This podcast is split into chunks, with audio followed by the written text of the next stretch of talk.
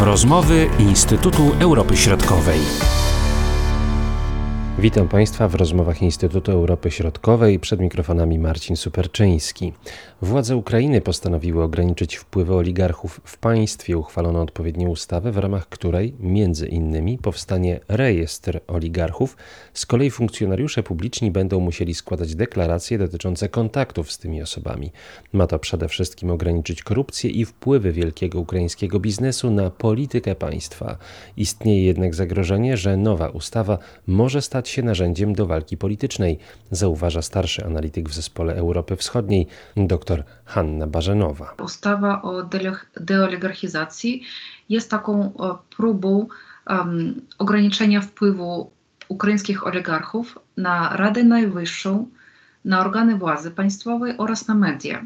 Zasadniczym celem tej ustawy e, jest e, nadanie Radzie Bezpieczeństwa Narodowego i Obrony Ukrainy z prezydentem na czele uprawnień e, do uznawania osób fizycznych za oligarchów oraz do kontrolowania kontaktów urzędników państwowych z tymi osobami i ich przedstawicielami. I tutaj warto podkreślić, że inicjatorem tej, tego dokumentu, tej ustawy e, jest e, prezydent Wołodymyr Zelenski, który na początku czerwca 2021 roku złożył do parlamentu odpowiedni projekt ustawy.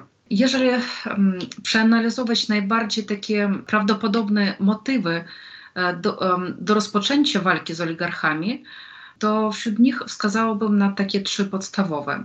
E, po pierwsze, e, to jest dążenie prezydenta oraz ekipy, ekipy rządzącej do reformowania Ukrainy, a także na płaszczyźnie polityczno-gospodarczej, a także politycznej oraz dążenie ekipy rządzącej do przyspieszenia rozwoju demokratycznego państwa. Po drugie, e, to pragnienie wzmocnienia władzy politycznej, a także zapewnienie bezpieczeństwa narodowego państwa w sferze gospodarczej, informacyjnej, a także politycznej. No i to, co, na co analitycy wskazują najczęściej, e, trzeci motyw, e, to jest chęć otrzymania i podwyższenia własnych notowań przez Wołodymyra Zelenskiego oraz proprezydencką partię Sługa Narodu. I w tym przypadku ustawa o deoligarchizacji może zostać wykorzystana jako taki instrument do walki politycznej e, w celu wyboru Zelenskiego na drugą kadencję, co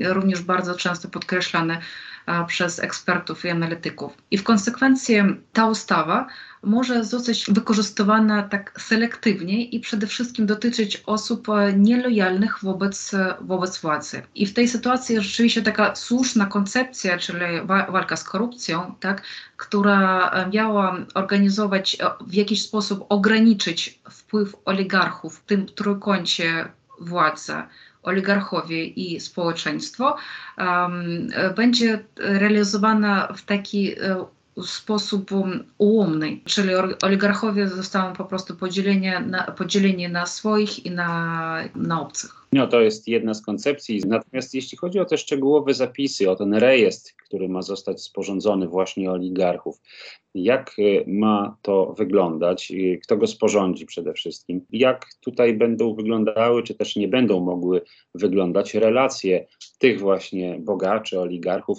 z politykami, z funkcjonariuszami państwowymi państwa ukraińskiego. Ten dokument przewiduje stworzenie specjalnego takiego rejestru oligarchów, e, który zostanie e, opracowany przez Radę Bezpieczeństwa Narodowego i Obrony Ukrainy. I tutaj e, ważnie, ważnym jest również przytoczyć te cztery główne kryteria, które są wydzielone przez autorów ustawy jako kryteria do wydzielania oligarchów. Czyli um, ustawa wydziela cztery kryteria, z których trzy, trzy są obowiązkowe e, do określenia osoby jako oligarcha.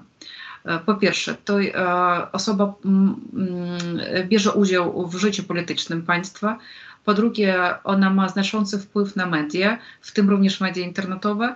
Ona także kontroluje lub jest właścicielem monopolu, no a również oczywiście posiada duże aktywa, które w chwili obecnej wynoszą około 90 milionów, milionów dolarów, czyli ta osoba posiada aktywa, które przekraczają w 1 milion razy minimum socjalne. Ustawa jeszcze przewiduje, że przedsiębiorca, który zostanie wpisany do tego rejestru, on przykładowo nie będzie mógł uczestniczyć w zakupie obiektów dużej prywatyzacji nie e, będzie mógł również finansować partie polityczne lub fundusze wyborcze kandydatów, a także różne akcje polityczne, mitingi itd. Tak Mówię tutaj o mitingach, to e, tylko ci, e, te mitingi, które mają sformułowanie takie, które formulują hasła um, i żądania polityczne. Ciekawostką tego dokumentu jest to, że od momentu podpisania ustawy i od momentu, kiedy ona zostanie wprowadzona w życie, oligarchowie albo ci ludzie, których określą jako oligarchów, będą na równi z urzędnikami państwowymi, będą na nich nałożony obowiązek składania deklaracji o majątku, o dochodach i wydatkach, e, które oni powinni składać do Narodowej Agencji do Spraw Zapobiegania Korupcji. Chodzi o to, żeby po prostu odciąć y, tych właśnie oligarchów od tego świata decyzyjnego, od świata politycznego. Natomiast pojawiły się pewne problemy w trakcie uchwalania tej właśnie ustawy. I z czego one wynikają? Ta ustawa została przyjęta już miesiąc temu, 23 września 2021 roku. I co ważne, ona była przyjęta w, pospie- w pośpiechu w trybie skróconym i, i nawet jeszcze przed wydaniem, przez, e, wydaniem op opinii przez Komisję Wenecką. I ten pośpiech generalnie doprowadził do tego, że przyjęty dokument zawiera wykluczające się zapisy. Na przykład, według jednego z nich e, decyzję o uznaniu osoby jak e, za oligarchę podejmuje Rada Bezpieczeństwa Narodowego i Obrony Ukrainy, a natomiast drugi zapis mówił, że te kompetencje należą do Narodowej Agencji do Spraw Zapobiegania Korupcji. Obecnie droga do podpisania dokumentu jest do podpisania ustawy przez przewodniczącego Rady Najwyższej oraz przez prezydenta jest otwarta. Niemniej parlamentarzyści e, szukają kolejnych sposobów na poprawienie popełnionego błędu. Jednym z takich możliwych e, wariantów może być przyjęcie jeszcze jednej ustawy, takiej ustawy dopełniającej do tej ustawy o, oligar- o deoligarchizacji i um, również rozważano, no, e, istnieje drugi wariant, a ten drugi wariant um, polega na tym, że dokument zostanie podpisany przez przewodniczącego Rady Najwyższej, E, prze, e, potem e, przekazany prezydentowi do podpisu, a natomiast prezydent nałoży na nią weto i mm, ustawa ponownie powinna przejść proces głosowania w parlamencie. Co y, na temat tej ustawy sądzą sami oligarchowie? Jakie są ich opinie na ten temat? No i też jak opinia publiczna reaguje właśnie na to nowe rozwiązanie prawne. I opinie są naprawdę zróżnicowane. Jeżeli mówimy o oligarchach, to jedni przedstawiciele wielkiego biznesu nie e, postrzegają jej, e, tej, tego dokumentu jako takiego, który może im e, w znaczący sposób zaszkodzić. Drudzy, przykładowo jak poprzedni prezydent Ukrainy Petro Poroszenko, upatrują w ustawie instrument walki z opozycją. Natomiast trzecia grupa oligarchów zwraca uwagę na niedoskonałości istniejącego tekstu ustawy i twierdzi, że została ona przyjęta w celu ponownego podziału rynku mediów, który obecnie niemal w całości na Ukrainie jest własnością oligarchów. Tak, ale ustawa nie zakłada konfiskaty majątku na przykład, czy też y, no, tutaj ograniczenia majątku prawda, osób. Tak tylko ograniczenie wpływu na określone. Tak, e, nie, nie zakłada, ale tutaj e, odwołam się do tych e, kryteriów, które przytoczyłam wcześniej, czyli jeżeli osoba, trzy kryteria pasują do tej osoby, to ona będzie ogłaszana jako oligarch tak, przez Radę Bezpieczeństwa Narodowego Obrony Ukrainy. Tak, nie, ale zobaczymy, jak wszystko wejdzie w praniu, jak, jak się mówi, tak?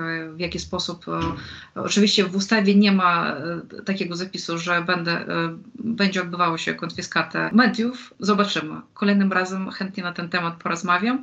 No i może do, przejdziemy już tak krótko do społeczeństwa, do opinii społecznej. To um, społeczeństwo jest ukraińskie generalnie pozytywnie nastawione do tej ustawy, ponieważ wierzy, E, że przyjęcie, że przyczyni się ona w pewnym stopniu do polepszenia sytuacji gospodarczej w państwie oraz do warunków życia poszczególnych, poszczególnego człowieka. No i jeszcze jakie korzyści wynikają z tej ustawy? Ustawa deoligarchizacji ma bez wątpienia fundamentalne znaczenie dla Wołodymyra Zelenskiego, e, ponieważ z jej pomocą prezydent chce wzmocnić swoją władzę polityczną, przyspieszyć wdrażanie reform, a także zmniejszyć zagrożenia dla suwerenności Ukrainy. E, niemniej e, myślę, że w chwili obecnej jeszcze trudno przesądzać o korzyściach płynących e, z, przyjęcia, z przyjętej ustawy. Skuteczność realizacji tego dokumentu będzie zależała moim zdaniem przede wszystkim od wykazania woli politycznej władzy, efektywności jej dalszych kroków i kolejnych decyzji legislacyjnych. Mam tutaj na myśli przyjęcie zapowiadanych przez Partia Sługa Narodu ustaw i aktów prawnych, mających na, na celu zreformowanie stosunków gospodarczych i społecznych w państwie. E, w przeciwnym razie istnieje zagrożenie znalezienia się w sytuacji, w której lekarstwo na chorobę, czyli ustawa o deoligarchizacji może okazać się straszniejsze niż sama choroba. Mówiła dr Hanna Barzenowa. Marcin Superczyński, do usłyszenia. Były to rozmowy Instytutu Europy Środkowej.